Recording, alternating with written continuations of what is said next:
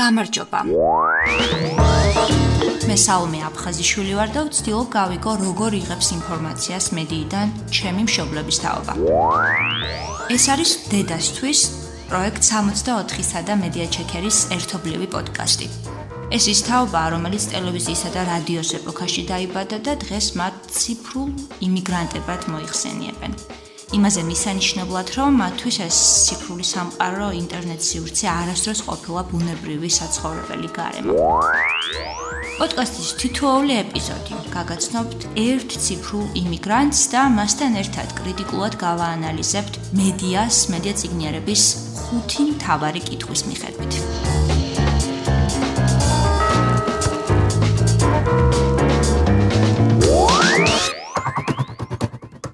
ვინ შექმნა ამბავი? რა მეთოდებია გამოყენებული ჩემი ყურადღების მისაპყრობად? როგორ აღიქვამს ერთსა და იმავე გზავნილს სხვადასხვა ადამიანი? რა იდეოლოგია დგას ამ ამბის უკან?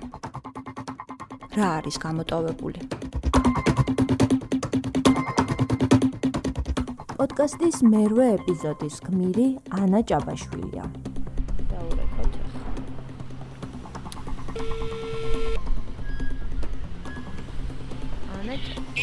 დიახ გამარჯობა. დიახ იცით სად გავართ არკაში უნდა შემოვიდეთ. აი შემოდით არკაში და მეფაჭრა გამოვიდეთ კარგით მოვდივარ. ყოველი შემთხვევაში დაიღება მე გახლავართ ანა ჭაბაშვილი 70 წლის თითქმის მალე გავხდები 71 მაგრამ ჯერ არა ვარ და პირველ რიგში აი ამ ტექნოლოგიების გამოყენება დამჭირდა საქმისათვის. იმიტომ რომ უმაგისო დღეს აღარ არსებობს. თუმცა კი ვერ დავიკვეხნე დიდი ღრმაცოდნით ამ საქმის, მაგრამ ის რაც ჩემს პროფესიაში ჭირდება, ამ ამჟამად რედაქტორი ვარ გამომცემლობის, ის ვიცი. ანუ ვორჩი მუშაობა შემიძლია თავისუფლად, მაგრამ უკვე იქით ცოტა მიჭირს თუ შვილებს არ კითხე. აი რა არის ეს თუ შეგიძლიათ მაგალითები მოიყვანოთ, როდის არის რაცა თქვენს შულთან მიდიხართ და ეკითხებით, რომ რაღაც დამეხმარე. რა ვიცი, აი მაგალითად გუშინ დამჭირდა ვიტრანსფერიდან ჩამოტვირთვა არაფერი, ატვირთვა დამჭირდა და ვერ შევძელი და დაუძახე ჩემს უმცროს შვილს და ამიტვირთა. მე რო უთხარი მასწავლებელი, მითხავ თავი დამანებო, სწავლება მე არ შემიძლიაო. და ველოდები ახლა მე უფროსი შვილის მოსვლას, რომ იმან მასწავლოს. თუ კი დღეს უცხოენიდან ქართულად ნათარგმნ ლიტერატურას ან ახალ ქართულ ავტორებს კითხულობთ და სიამოვნებას იღებთ, ეს მნიშვნელოვანწილად ქალბატონი ანას დამსახურება, რომელიც დღეს ერთ-ერთი მსხვილი ქართული გამომცემლობის რედაქტორია. მასთან გადაკვეთის სხვა საერთო სივრცეებს შორის აუცილებლად უნდა გამოვყო Facebook-ი, რომელსაც ანა ძალიან აქტიურად იყენებს და აი ამ გამოყენებაში გულისხმობ იმას, რომ ძალიან სასარგებლო რჩევებს ავრცელებს უსასყიდლოდ მათთვის, ვისაც სურს, რომ იმეტყველოს და წეროს უკეთესი ქართულით. ამ შენიშვნების და რჩევების სამიზნე ჯგუფში მეც მოვიაზრებ ჩემს თავს, ამიტომ პასუხისგებლობა დღეს ამ ეპიზოდზე მუშაობისას განსაკუთრებით მაღალია, იმიტომ რომ მინდა რომ ამ ეპიზოდში მაინც რომელიც მას პინძლობს, ასე შეიძლება ითქვას, აა ქართული ენის ძალიან კარგ მწოდნეს და რედაქტორს ამ ეპიზოდში მაინც შევძლოთ რომ ვისაუბროთ კარგად შესაბამისად პასუხისგებლობას საცუქრცნობ ამ მიმართულებით. ანა ჭაბაშვილი არის ორი შვილის დედა და ორი შვილიშვილის ბებია, რაც საკმაოდ ნოყიერნიად აქვს ქმნის თაობებს შორის ტექნოლოგიების გამოყენებით და ტექნოლოგიების შესახებ კომუნიკაციაზე დაკვირვებისთვის.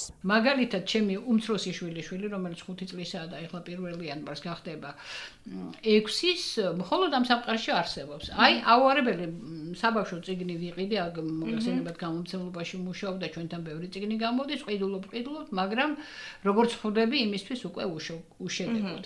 აზრი აღარ აქვს იმ ყიდვას, იმიტომ რომ მხოლოდ ტელეფონში იყურება, მხოლოდ ვიდეოებს უყურებს, YouTube-ს და ასე შემდეგ. და ცოდნასაც იღებს იქიდან, რაზეც მე გული მწყდება, მაგრამ ჩემი თავისთვის ახსნილი მაქვს, რომ რა ვქნათ, მოვიდა ასეთი დრო. შემდეგი თაობა უკვე იქნება ასეთი. ეს ციგნები უკვე ქაღალდის ციგნები, რა ვიცი, 1-10 წელიწადი კიდე იქნება და მე ვნახოთ რა მოხდება. თაობას რო უყურებ ახლა უმცროს, ამათ უკვე ციგნისთვის სკამიდან ადგომა აღარ უნდა, იმიტომ რომ მაგალითად ძალიან მომენატრა galaktionis ლექსის რომელიღაცა ლექსი ეს ჯერ კიდევ ფორუმ მონაწილეობდის კიდეც ვუყურებდი რომ როგორ არიცით სადმე იდოს ელექტრონულად. ეხლა კი რა თქმა უნდა არის და ჯერ კიდე 10-15 წლის წინ ამდენი არისო. და მე ვბრაზობდი რომ როგორ კაცო ადექი როგორ დავიჯერო რომ სახში galaktioni არა გაქვს. მაგრამ აი ანუ თაობა მოვიდა. ანდა თქვათ იყო ასეთი განცხადება იმავე ფორუმჯიზე. ვყიდი ის იყო განყოფილება ვყიდულო ვყიდი. და ერთი ახალგაზრდა წერდა რომ მაქვს სახში მშობლების კერატერ, მოკლედ ციგნები და ყიდი. ახლა ეკითხებიან იქ რომ აბა რა ციგნებია? ხო ხომ დაინტერესებდა. ის პასუხობს, ციგნები არა. იმისთვის ის არის ციგნები, მეტი არაფერი. შიგ ვინ არის ან ავტორი ან რაწერია იმ წეში ლაპარა ამაზე არა. ხო. აი ესეთი ის მქონდა ვაიმე ბრაზობდი ჩემთვის ფოთავდი ეს რა უბედრობა მე მივხვდი რომ რა ვიცი ასე მოვიდა მოვიდა და მოვიდა. როგორც ენის სპეციალისტს და რედაქტორს ინტერნეტმა ანა ჭაბაშულს ნიშნულოვნად გაუმარტივა საქმე და აი რას გულისხმობს ამაში. თქვა მჭირდება რაღაცა სიტყვის განმარტება და ძალიან ადვილად ვიყენებ ამ საქმისთვის. მაგალითად უცხო სიტყვათა ლექსიკონის განახლებაზე ვმუშაობთ მამაჩემი იყო ამ ციგნის შემდგენელი და ეხლა მე და ჩემი და ვმუშაობთ და ამა თუ იმ სიტყვის განმარტებისთვის ვიყენებთ ამ უკიდეგანო ინტერნეტს და სულ იმას ვამბობთ, რომ ეხლა ნეტა ცალითვალით მამას წამოახედა და დაანახვა ეს შესაძლებლობები, რასაც დღეს ინტერნეტი იძლევა. რა თქმა უნდა ჩვენ იქიდან სიტყვა სიტყვით არ ვიწერთ ამას, მაგრამ ვარგებთ ქართულ სინამდვილეს, ქართულ მაგალითები მოყვავს და ლექსიკონი ესეთი რამეა, რომ ძალიან ზუსტი დაწვრილი ეს არის საჭირო მუშაობა, დაწვრილებითი და ამიტომ ვიყენებთ იმას, მაგრამ წერთ ჩვენსაც. ინტერნეტთან და ციფრულ ტექნოლოგიებთან და ყველაფერთან იმასთან, რაც აი ამ ინტერნეტმა მოიტანა, ყველაზე მძაფრად ქალბატონი ანა ფორუმჯის საშუალებით გადაიკვეთა და იხსენებს ამ პირველ გამოცდილებას და შტაბეჭდილებებს და შეგრძნებებს, რაც აი ამ სოციალურ სივრცეში, ინტერნეტ სივრცეში გაწევრიანებას მოხვა. ეს იყო 2008 თუ 2007 აღარ მახსოვს, როდესაც გამოდიოდა Playboy, რომლის რედაქტორიც იყო ჩემი შვილი და მეც მონაწილეობდი როგორც სტილის რედაქტორი.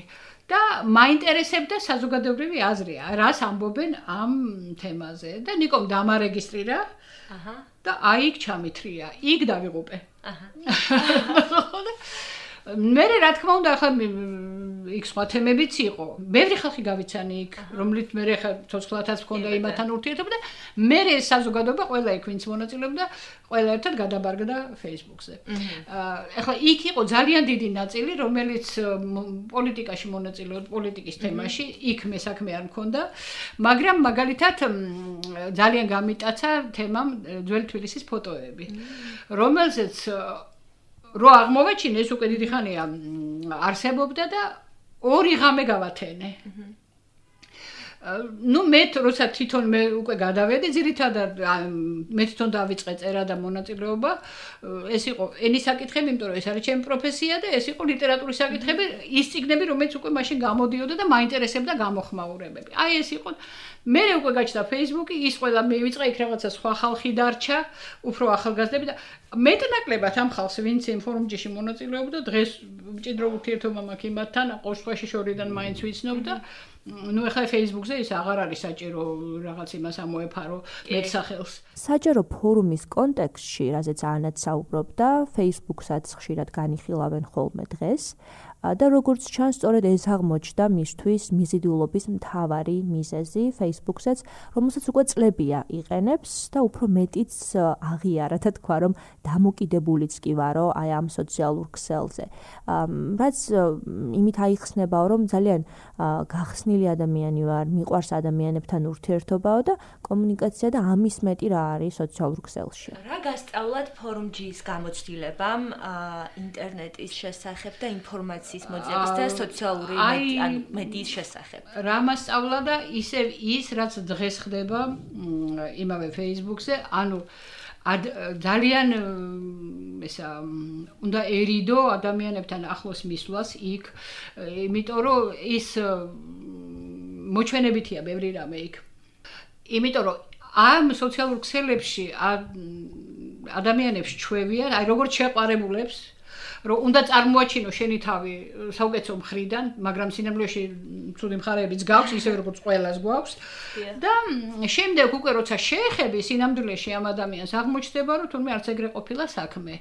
მაგალითად, რედაქტირებისთვის ეხლა დღეს განსაკუთრებით ამ პანდემიის პირობებში, როცა ონლაინ გვიხდება ურთიერთობა და ვმუშაობ, თქვა, გაკეთდება ჯგუფი იქა და რაც ერთმანეთში 3-4 კაცი აზრთა გასვლა გამოცვლა გვაქვს იქა. თუ ამ ადამიანს მანამდე ვიცნობდი, იქ პრობლემა არ მაქვს. იმიტომ რომ ისინი წარმოიდგენენ ჩემს ხმას, ჩემს, ну, მიცნობენ და მეც იმათ ვიცნობ. ამიტომ ჩვენ ერთმანეთის გვესმის. თუ არ მიცნობდა მანამდე, ღიზიანდება, რომ თქვა, შენიშნოს, ახლა ჩემი საქმე შენიშნებისგან შედგება. ხო და იქაც ძალიან რაღაცა ერთი ორჯერ გულდა გულდაწყვეტილი დავრჩი, იმიტომ რომ სულაც არ მიგულისხმია რამეს და მაგრამ იმან ცუდად გაიგო. როგორ შეცვალა ინტერნეტმა ინფორმაციის სანდოობა? ეს კითხვა ბუნებრივია არის ხოლმე ჩემი პოდკასტის ეპიზოდის ერთ-ერთი მთავარი კითხვა ყველა სტუმართან, მაგრამ ამ ქალბოტ ნანასთან ალბათ ეს უფრო საინტერესო იქნებოდა, რომ გაგვეხილა ეს თემა, იმიტომ რომ მას ინფორმაციასთან, ტრადიციულ ფორმასთან, როგორიც არის ციგნები, ხო, ნაწერები, ძალიან აქტიური აქტიურად უწევს ამ ასეთი ტიპის ინფორმაციასთან შეხება და აი როგორ ამუშავებს აი ამ ზღვა ინფორმაციას, რა გამოცდილებები აქვს, ამაზე ვკითხე და აი რა მიპასუხა მოვისმინოთ. ძალიან დიდი ხნის განმავლობაში მუშაობდი სამეცნიერო დაწესებულებებში, ხელნაწერთა ინსტიტუტში და ენათმეცნიერების ინსტიტუტში, სადაც შეიძლება ჩემგან დიდი მეცნიერი არ გამოვიდა, მაგრამ ვისწავლე, გავიარე სკოლა, რომ ყველაფერი უნდა შემოწმდეს. ამიტომ ყოველთვის კრიტიკული თვალით უყურებ, რამდენად სწორია. და იქ ახლა რომ წერენ ხოლმე, ანუ რაღაც თავის აზრს გამოთქვამენ, ვინც ეს იცის, აუცილებლად ისიც წყარო დამისახელი, საიდან იცი რომ ეს ასეა. და როცა ამბობენ რომ მე ეს არ მომწონს, ეს არ მომწონს ეს ფორმა სიტყვის რაღაცის არ არის ეგ მოწონება არ მოწონებაზე. ის რაც კეთილხმოვანია ერთისთვის, შეიძლება არ იყოს კეთილხმოვანი მეორისთვის. ამიტომ გემოვნებით ეს არ წყდება. ეს არის მკაცრად მეცნიერულად დასაბუთებული. ეხლა ეს მე ჩემს სფეროზე მოგახსენებდა, მაგრამ სხვა დარგებშიც ალბათ ასეა. ნამდვილად ასეა. ის რაც მისაღებია ერთი ბაბლისთვის და ამ ამ კვიდრებისთვის, რომლებიც ამ ბაბლში არიან, შეიძლება მიუღებელი იყოს სხვებისთვის და ამის გააზრება რომ შეგვეძლოს ალბათ ძალიან მარტივად პოლარიზაციის ხარისხიც ასეთი ძიმე არ იქნებოდა და მაღალი ხო? ეხლა ვიტყოდით ალბათ რომ ალგორითმი ამაში დამნაშავეო სოციალურ ქსელზე როცა ვსაუბრობთ მაგრამ მარტივია ახლა იმის მიხედვაც რომ ამ ალგორითმის უკანაც ადამიანები დგანან და საერთოდ არ არის საჭირო სოციალურ ქსელზე ალგორითმზე გადაბრალება ამბის როცა ადამიანებს შეუძლიათ როგორც ინტელექტუალურ არსებებს, ხო, შეუძლიათ გააცნობიერონ რომ აზრები ერთმანეთისგან განსხვავდება. ამიტომ ანას მაგალითი რაც მან ენასთან დაკავშირებით მოიყვანა, მე ვფიქრობ ძალიან კარგად ჩდება აი ამ ჩვენ დამოკიდებულებებზე ერთმანეთის მიმართ, ერთმანეთის აზრის მიმართ სოციალურ ქსელში. ქალბატონი ანა ენის საკითხებს კარგად იცნობს, რამდენჯერ მე აღნიშნე და ბუნებრივია ვერ დავასრულებდი მასთან საუბარს. იმის garaშე რომ არ მეკითხა რა მოუვიდა ენას, რა ვუქენით ენას ციფრული სამყაროს ბინადრებმა. ამ კითხვის პასუხად მითხრა რომ თანამედროვე ქართული სამეთყველო ენა ბოლო ორი საუკუნის განმავლობაში დროისა და მოვლენების ცვლილების პარალელურად განიცდიდა გავლენასო და მაგალითად მე-19 საუკუნის ბოლოს მე-20 საუკუნის დასაწყისში პუბლიცისტიკის ენა იყო დომინანტური ხო სამეთყველო ენაშიც მე უკვე საბჭოთა მართლობა დამყარდა და თავისი ენა მოიტანა 呢，იქიდან გამომდინარე რა პოლიტიკური სოციალური რეალობაც შეიქმნა ამ მართლობის პერიოდში. შემდეგ იყო 90-იანი წლები, უკვე ვთქვათ, გამოჩნდა არასამთავრობო ორგანიზაციები და თავისთავად დამკვიდრდა ლექსიკა, რომელიც ხშირად გვაქვს ხოლმე აი მათ მოხსენებებში, ხო? და ეს იყო ხალბატონიანა ხას უსვამს, რომ აი განსაკუთრებით სერიოზული ცვლილება და არტყმა, ხო, ქართულ ენაზე, როცა ისეთი სიტყვები შემოვიდა, რომელიც მარტივად აიტაცა პოლიტიკოსმაც, ჟურნალისტმაც, სოციალურ ქსელში ნებისმიერმა ადამიანმა, ინფლუენსერმაც, ხო? ყველამ და დაიწყო ლაპარაკი ამ ენაზე. ამიტომ ეს იყო ძალიან ისეთი დიდი მკვეთრი ცვლილება, რაც მოხდა 90-იან წლებში. ნუ ცხადია ხა სოციალურ ქსელშიც თავისებური სიტყვები მკვიდრდება, მაგრამ რაც ანამ ხაზგასმით თქვა არის ის, რომ ეს ენის מחასიათებელი, ენის ხასიათი ასეთი, რომ ის თავის თავში იტევს ამ გარემოს ცვლილებებს და გარემო გარემო პირობებს, ხო, როგორიც იქმნება, როგორიც არის გარემო, ეს აუცილებლად აისახება ენაზეც. აქ არის ძალიან ესეთი სამეთყველო სასაუბრო ენა შედის ძალიან და იმ ახალგაზრდას რომელიც ამ სიტყვებს ხმარობს არც ეჩვენება რომ ეს ასე არ უნდა იმეთქოს ასე არ უნდა დაწეროს მაგალითად ერთხელ როცა გამომცემლობაში მოვიდა განცხადება ასეთი უძაანესად გთხოვთ განიხილოთ ჩემი განცხადება და ეს უძაანესად სეპირმეტყველებაში კი აქ მაგრამ რო არ უნდა დაწერო და თან ითხოვს რაღაცას იმდენად არის ის რომ ის განცხადება შე უნდა დაწეროს. ენაზე საუბარი არ დამთავრდებოდა რომ არა პოდკასტის ფორმატი რომელშიც მედიაციგნიერების ექსპერიმენტი უნდა ჩაგვეტარებინა. ასე ნელ-ნელა დავიწყეთ ეს პროცესი დავიწყეთ smartphone-ის კვლევა ბუნებრივია ვკითხე ინფორმაციის მიღების გზები და თავიდანვე ახსენა ტელევიზორი. ნუ ოთახში შევამჩნიეთ რომ იყო ტელევიზორი, მაგრამ თქვა რომ არ უყურებო ხშირად ტელევიზორსო. მე არ ვუყურებ ტელევიზორს საერთოდ. აღარ ვუყურებ. იმდენად რომ აღარ ვიცი არხების გადართვა და გამორ. და ინფორმაცია რაც მჭirdება, თქვა ახალი ამბები, ისე ვიგებ Facebook-იდან. თუ აქ რამე ჩემთვის მე სათაურს დავინახავ, დამთავრებულია. ინფორმაცია მაქვს ყველა შემთხვევაში, ყველანაირი. და ის შეიძლება ეს მომენტი არ, რაც არ მინდა რომ გავიგო, არ ვიგებ. აჰა. მარტო ვიგებ სათაურით ამბავს იმითი, ლიდით თუ რაც ქვია და მორჩა. თუ არა და ხანდახან შემიძლია გავხსნა.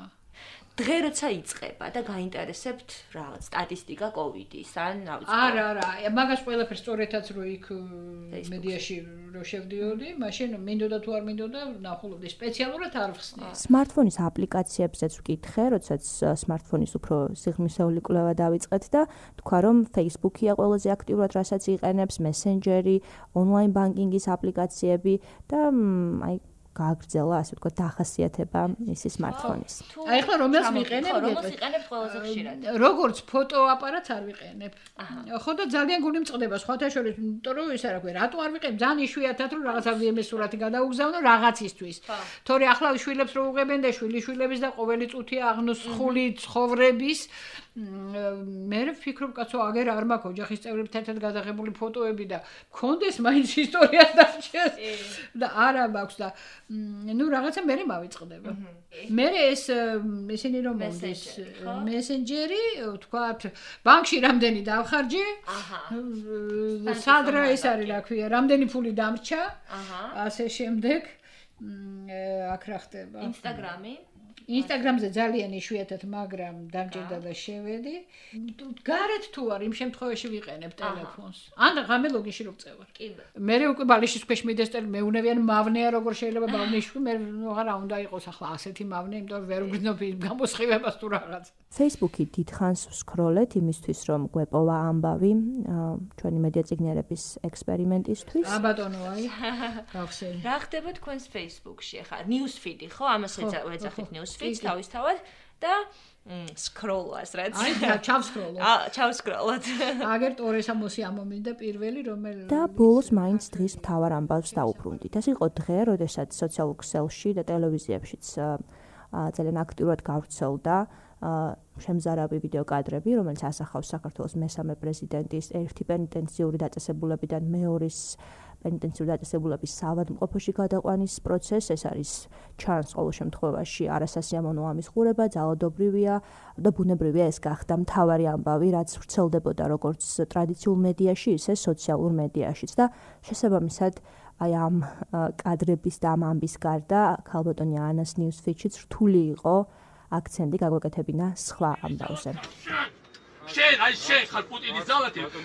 სასისხლიერე უთვალებს შენ ორივე თვალში გაგუძილოა და პუტინის ძალათი ხარ. შენ შენ და უცებ მიხომ მეძახის რომ არიქა ნახე რა საშინელი კადრებია გაუშვეს ის მართლაც და საშინელი და სამარცხინო კადრები რომელიც ისტორიას დარჩება. ისტორია ისტორიული კადრებია ეს უსამარცხინო ეს მიუხედავად ჩემი დამოკიდებულებისა ამა თუ პოლიტიკური მოღვაწის მიმართ ეს არის სამარცხვინო. დღევანდელი დღე მე მესმის რომ ამ კადრების ამბავი არ გინდათ განიხილოთ, არც გინახავთ ეს კადრები, ხო თუ შეხედეთ მოკარით თვალ. არა, ჩვენიდან მოკარით თვალ და არ მინდა მე. ხო. აა რადგან ეს არის დღევანდელი დღის თავი თემა, აი Facebook-საც გავხსენით და ძალიან გვიჭირს განსხვავებული რაღაცის პოვნა. მოდით არ გავექცეთ ამ ამბავს, იმის მიხედვით რომ ემოციურად რთულია. კი, და მოდით დაუსვათ ეს ხუთი კითხვა აი ამ ამბავს, რომელიც დღეს ჩვენ მოგვაწოდა. აა დავიწყოთ პირველი კითხვით. ვინ არის აი ამ ვიდეოს ავტორი? ეს ერთი შეხედვით მარტივი კითხვა, მაგრამ ძალიან მნიშვნელოვან ინფორმაციას გვაძლევს ამბავზე. ამ კითხვაზე პასუხის გასაცემად აუცილებელია ვიცოდეთ ორი რამ. ერთი, რომ ეს ამბავი ჩვენამდე მოსული ფორმით ვიღაცამ, ან ვიღაცებმა შეარჩიეს და მეორე, ამბავი შეიქმნა ამ არჩევანის შედეგად. სახელმწიფო სახელმწიფო არის ამის ავტორი. რატომ დასჭირდა? ეგ კიდე საკითხავია. ხო ვიღაცები გასცემდნენ იქ პასუხს თვალთვალიშო რო შევხედე. მაგრამ რამდენად გამოუვა ეგ არ ვიცი. იმიტომ რომ ვთქვათ შეიძლება მიხელ სააკაშვილის ბევრი მოწინააღმდეგე ყავდეს ნუ მომხრეც ბევრი ყავს მაგრამ საპირისპირო რეაქცია გამოიწვიოს ხალხში იმიტომ რომ ციხე არავის არ უყვარს არც მომხრეც და არც მოწინააღმდეგეს კი ხო და ჩემი აზრით ძალიან სულელური დაბეჭი იყო მთავრობის მხრიდან ეს კითხვა ნომერი 2 რა მეთოდებია გამოყენებული ყურადღების მისაპყრობად წინადადებებისა და სიტყვების არჩევანი აუდიო-ვიზუალური ეფექტები. ის ცვლილებები, რომელიც კადრიდან კადრზე გადასვლის დროს ხდება. ციტატა, რომელსაც ვკითხულობთ, ფერი, რომლითაც ეს ციტატაა გაფერადებული. ეს ერთი შეხედვის ტექნიკური დეტალებია, მაგრამ გამოყენებული იმისთვის, რომ აუდიტორიის ყურადღება მიიპყროს. სწორედ ამ მეთოდების მარტივ მომრავლებად დაშლა და ანალიზი გვეხმარება მივიღოთ პასუხი მეორე კითხვაზე. არ ვიცი, რამდენიც არ მინახავს მეთოდები არ შემიძლია დავინახო, მაგრამ აი ის რომ აი ა ბატონო მე შენ რახანს მაღალი საზოგადოებრივი ინტერესი იყო გაჩვენებ, აი რა მაგარი ვარ. აი ეს მეთოდია. ჩემი აზრით. თვითონ ვიდეო არ გინახავთ, ესე გადავლებით ხო თვალით. და ნუ შეგვიძლია შევადაროთ მაშინ ამ 9 წლის წინანდელების ციხის კადრებს და აი კი მაშინ უყურენ ამდვილად, იმიტომ რომ ეს იყო შოკი, ეს იყო საოცრება, ეს იყო რაღაცა, მე ერკვევა რომ თურმე ყალბი ყოფილა უმეტესობა და ასე შემდეგ, მაგრამ ეს მოხდა გვიან. კითხვა ნომერი 3. როგორ აღიქვამს ერთსა და იმავე გზავნილს სხვადასხვა ადამიანი? ეს კითხვა ინტერპრეტაციების მრავალფეროვნებაზეა. ანუ ერთსა და იმავე ამბავს დედა და შვილი, სტუდენტი და პროფესორი, ქალი და კაცი, ბებია და შვილიშვილი, დასაქმებული და უმუშევარი, უფრო ზუსტად რომ ვთქვათ, ორი საუკეთესო მეგობარიც კი სხვადასხვანაირად აღიქვამს. ამიტომ კითხვა ნომერი 3 გვეხმარება გამოვიკვლიოთ ინტერპრეტაციები ერთი და იმავე ამბავს. მეზობრები და კოლეგები როგორც წესი არიან, ну, რაღაცა მეტნაკლებად ჩემი აზრის გამზიარებლები, მაგრამ აი თქვათ იგივე ქართული ხალხი მაქვს ხედველობაში, რომ არ ამგონია იმას მოეწონოს რომელიმე რიგით ქართულს ეს კადრები. რა ვიცი, ძალიან ეჭვი მეპარება. რამდენა რამდენადაც აი მიშას მოწე. შეიძლება თქვათ ახლა ამათ უნდათ ესეთი შტაბიკლებას მოხდენა, რომ აი ციხის კადრები დო ნახე, ახლა აი ახლა ეს არის. ნახოს ახლა როგორი ყოფილა და ასე შემდეგ. ხო, შეიძლება ეს თქვას იმან. მაგრამ შეიძლება იმდენად შემზარავდა ცუდი სანახავია, რომ საპირისპირო ისიც გამოიწვიოს. კითხვა ნომერი 4. რა იდეოლოგია დგას ამ ამბის, ამ მესიჯის უკან? სიტყვა იდეოლოგია ამ კონტექსტში გულისხმობს კონკრეტული ღირებულებების, რწმენა წარმოდგენების, პოლიტიკური, ეკონომიკური, რელიგიური თუ სხვა შეხედულებების ერთობლიობას, რომელიც ჩვენს ყოველდღიურ ქმედებებს და არჩევანს განაპირობებს. თუ ჟურნალისტი რომელიმე იდეოლოგიით არის მოტივირებული, ნებისმიერი მისი კითხვა თუ ქმედება, სწორედ ამ იდეოლოგიით არის ნასაზრდოები.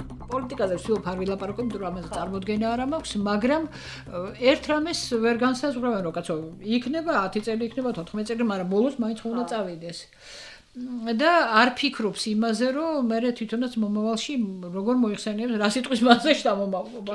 დღეს პირველი ეგ შთაბეჭდილება ეგ მქონდა, მიხოს ვეუბნოდი, რომ ეს კადრები შევა ისტორიაში, დარჩება ისტორია საქართველოს ისტორიას უმარცხენ უსამარცხენოეს კადრებად. მიუხედავად ჩემი წინააღმდეგობისა იმ ძალის და თვით პირადად ყოფილი პრეზიდენტის მიმართ. კითხვა ნომერი 5. რა არის გამოტოვებული? პასუხი ამ კითხვაზე გვეხმარება გავიგოთ ავტორის, ამ მესიჯის თუ მედია პროდუქტის ავტორის მიერ გაკეთებულმა მიზანმიმართულმა არჩევანმა რამდენად, რა ხარისხით დაარღვია ამბის სრულყოფილება? რა დაგვაკლდა იმისთვის, რომ სრულად გავიგოთ ამბის არსი? აი, ჯერ არ ვიცი ეგ. რა გამოვტოვე დღეს საღამოს გავიგებ მაგ ამბავს როცა დაუბრუნდები იმას. რა კითხვები გაგიჩნდათ მაშინ როცა ამას უყურეთ? თუ აი ის რაც უკვე თქვით რომ რა რას ემსახურებოდა ეს? ეს იყო ჩემი კითხვა. ნეტარისთვის გააკეთეს. რა ეს ხო კლევით არის გაკეთებული ისე ხო ვიღაცის ჭკუით არ მოხდა ეს რომ აბა რას მიაღწევენ ამით? რა მოსაზოგადოების რა პროცენტი იქნება მომხრე რა პროცენტი იქნება მოწინააღმდეგე? ეს არის ჩემი აზრით ამისი მიზანი და საინტერესოა რა გამო. ეხა შეიძლება იმაში ცრუ იმაში მოექცე ტყვეობაში, იმის იმიტომ რომ შენი მომხრები არიან სულ გარშემო და გონია რომ ყველა ასე ფიქრობს.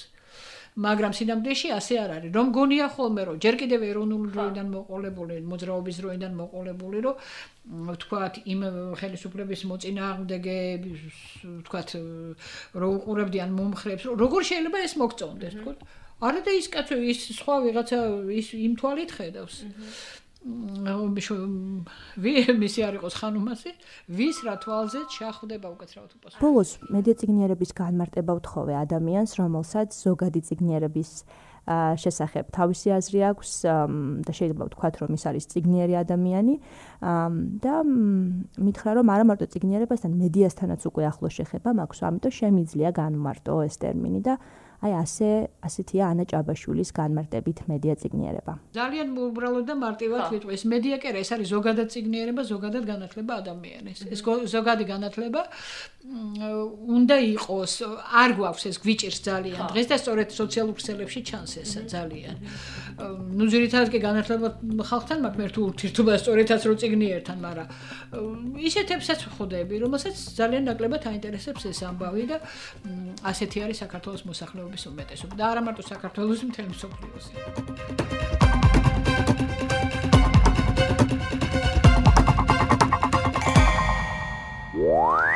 ეს იყო დედასთვის პროექტ 64-სა და მედიაჩეკერის ერთობლივი პოდკასტი, რომელსაც იპოვით პროექტ 64-ის ყველა პლატფორმაზე.